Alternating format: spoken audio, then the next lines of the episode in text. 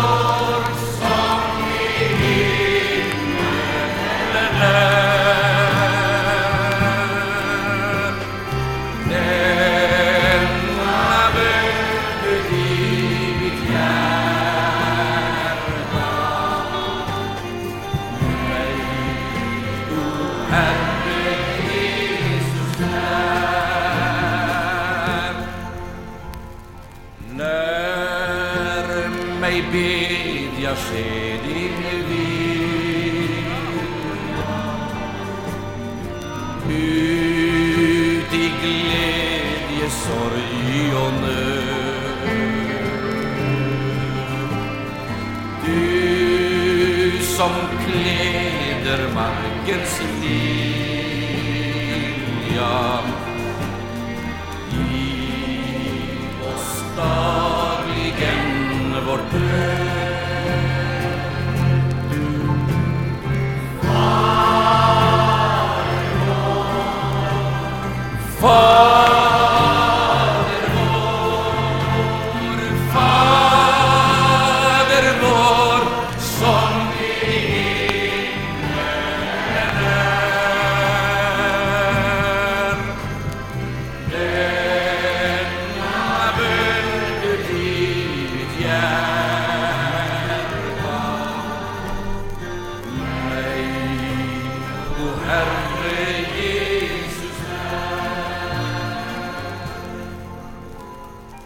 Vermeyin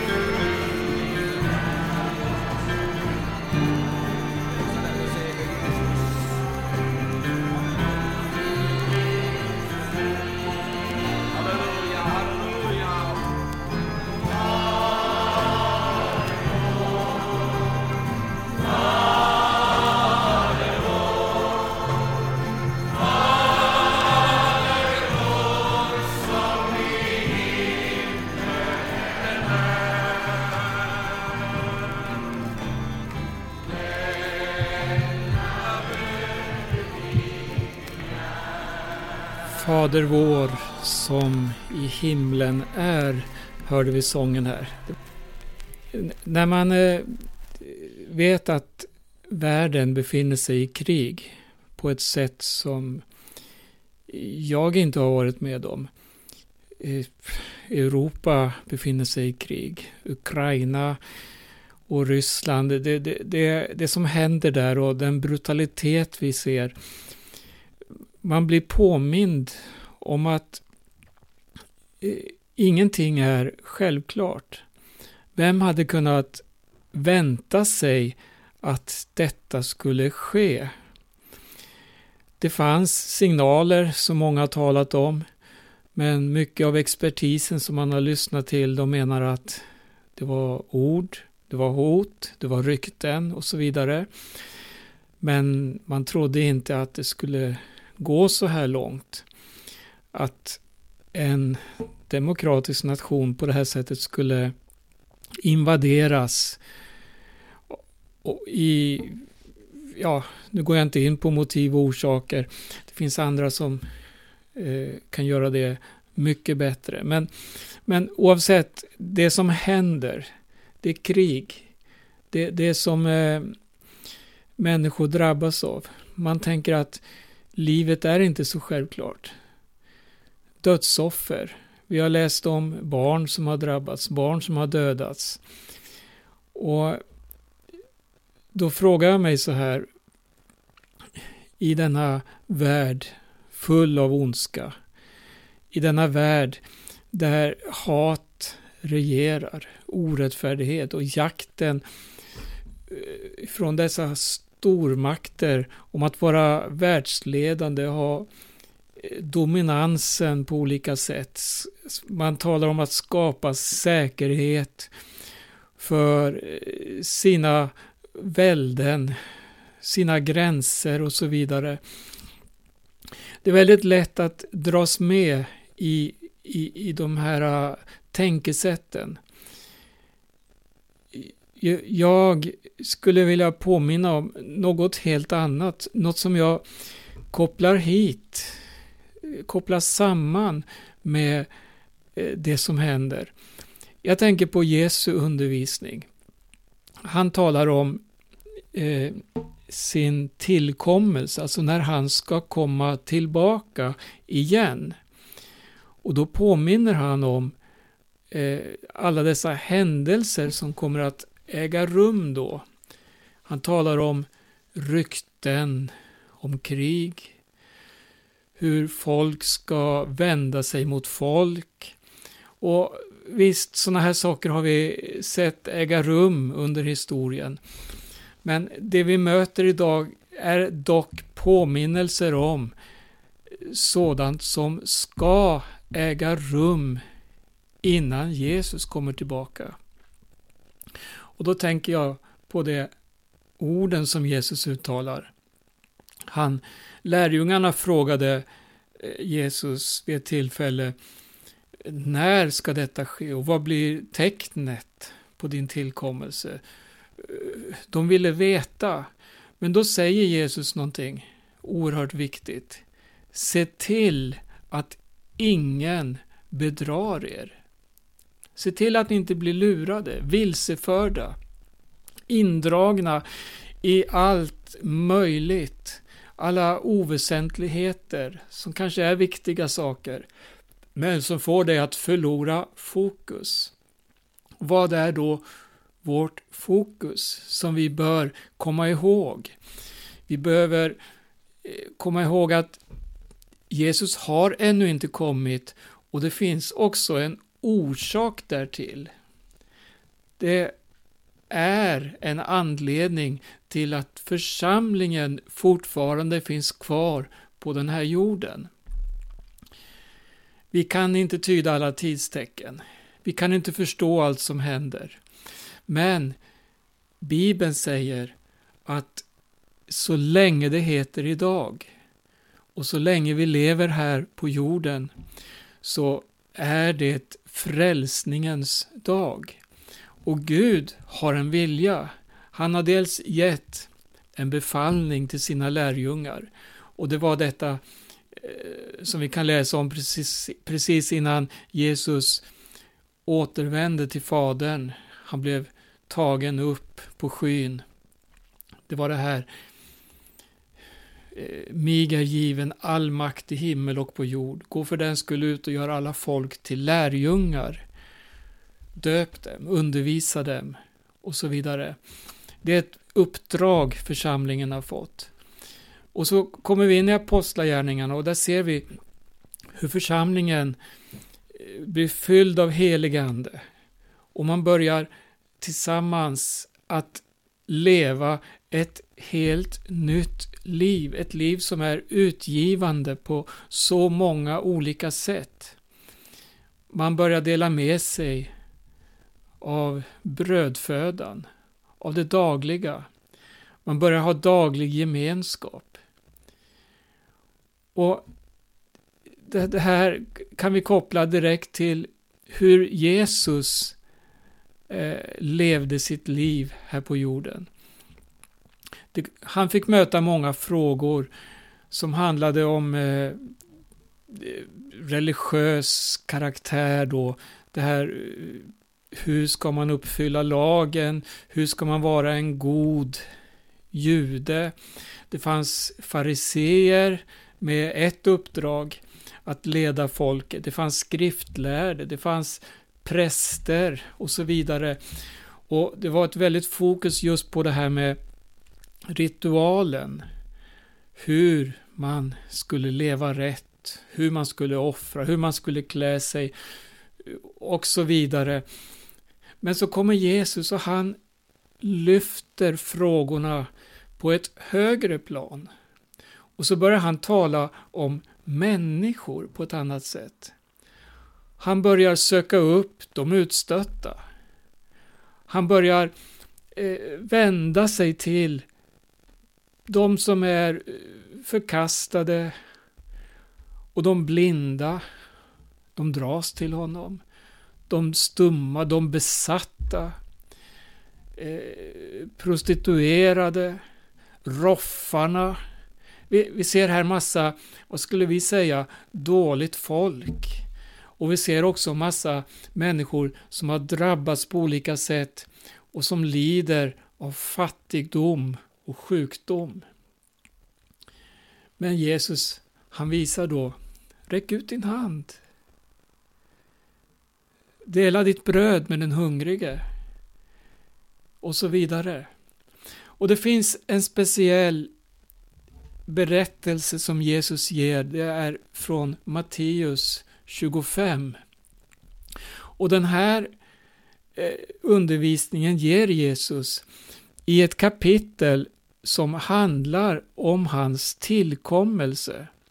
Först är det en liknelse om tio jungfrur och det var midnattstid då anskriet göd, ropen hördes, brudgummen är här. Och sen kommer en liknelse där Jesus talar om talenter eller pund, sånt som man har fått att vårda under livet. Och var och en gjorde det på sitt sätt, fast det var en som underlät att använda det han hade fått. Sen kommer eh, en sista berättelse i det här kapitlet och det är den jag vill eh, stanna upp lite kring. Det står så här i vers 31 i Matteus kapitel 25. När Människosonen kommer, hör, det handlar om hans tillkommelse. När Människosonen kommer i sin härlighet och alla änglar med honom. Då ska han sätta sig på sin härlighetstron.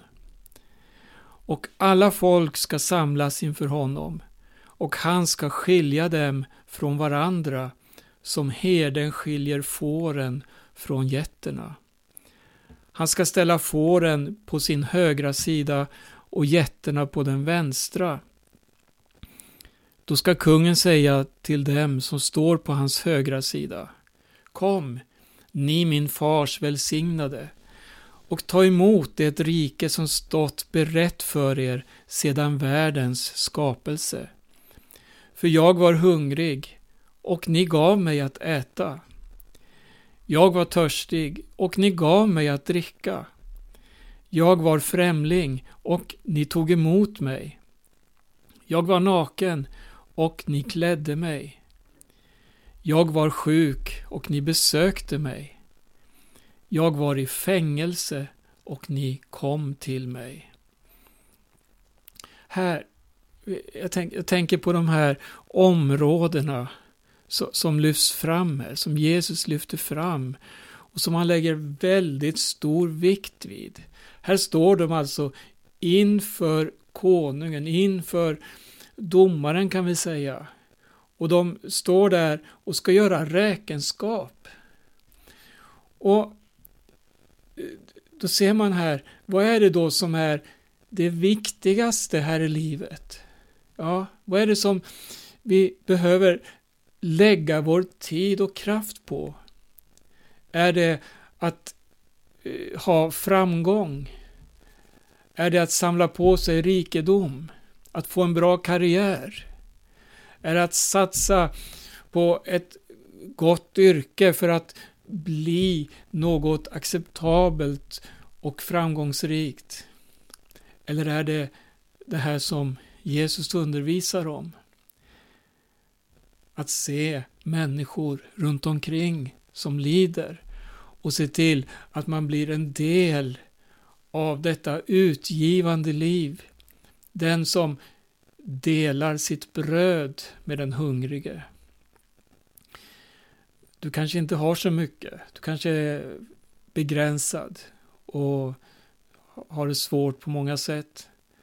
Jag vet att det är tufft för många att få månaden att gå ihop. Men, men det finns ändå en hemlighet i detta. Tänk, tänk när Jesus han, han sätter fram som exempel en änka. Han, han stod med sina lärjungar och såg hur många kom och la ner stora offer i offerkisterna vid templet i Jerusalem. De la ner guld och det var folk i fina kläder. Men så kom det en änka där med en skärv, står det. Ett litet mynt som de andra kanske knappt ville plocka upp om de hade tappat det. Men hon la ner det i offerkistan. Och vad säger Jesus? Att hon gav mycket mer än alla andra. De andra gav av sitt överflöd. Men hon gav av sitt armod, av det hon hade, av det hon behövde. Vilken välsignelse! Tänk att få uppleva denna välsignelsen från Gud och veta att det man gör för en av dessa mina minsta, som Jesus sa, det gör man för honom. De frågade, jag måste läsa vidare. Eh, de rättfärdiga ska svara honom, Herre, när såg vi dig hungrig och gav dig att äta, eller törstig och gav dig att dricka? Och när såg vi dig som främling och tog emot dig, eller naken och klädde dig? Och när såg vi dig sjuk eller i fängelse och kom till dig? Då ska kungen svara dem, jag säger er sanningen. Allt vad ni har gjort för en av dessa mina minsta bröder, det har ni gjort mot mig. Vilken hemlighet! Tänk att få veta det, att Gud har lagt ner något i våra liv som gör att vi får vara hans tjänare när vi hjälper någon som är i nöd. När vi söker upp den som verkligen behöver. Ja, det, det, sen, sen fortsätter den här berättelsen. Och då möter vi det motsatta. En annan grupp som förbannas. Och för då står det att de gjorde inte det som de borde ha gjort. Då säger Jesus så här, jag var törstig, ni gav mig inte att dricka och så vidare. Och då säger Jesus att det ni inte har gjort för en av dessa mina minsta, det har ni inte heller gjort för mig. Sen avslutar han undervisningen. Det står i sista versen så här. Och dessa ska gå bort till evigt straff, men det rättfärdiga till evigt liv. Ta till dig den här undervisningen och låt Jesu kärlek få fylla ditt liv så att du blir ett redskap för honom. Tänk på de som lider. Tänk på de som är drabbade av krig just nu i Ukraina. Tänk på den fattiga som inte har något bröd för dagen tiggaren och så vidare. Nu måste vi avsluta för att tiden har gått. Det är Radio Maranata du lyssnar till och jag heter Berno Vidén. Gud välsigne var och en och på återhörande.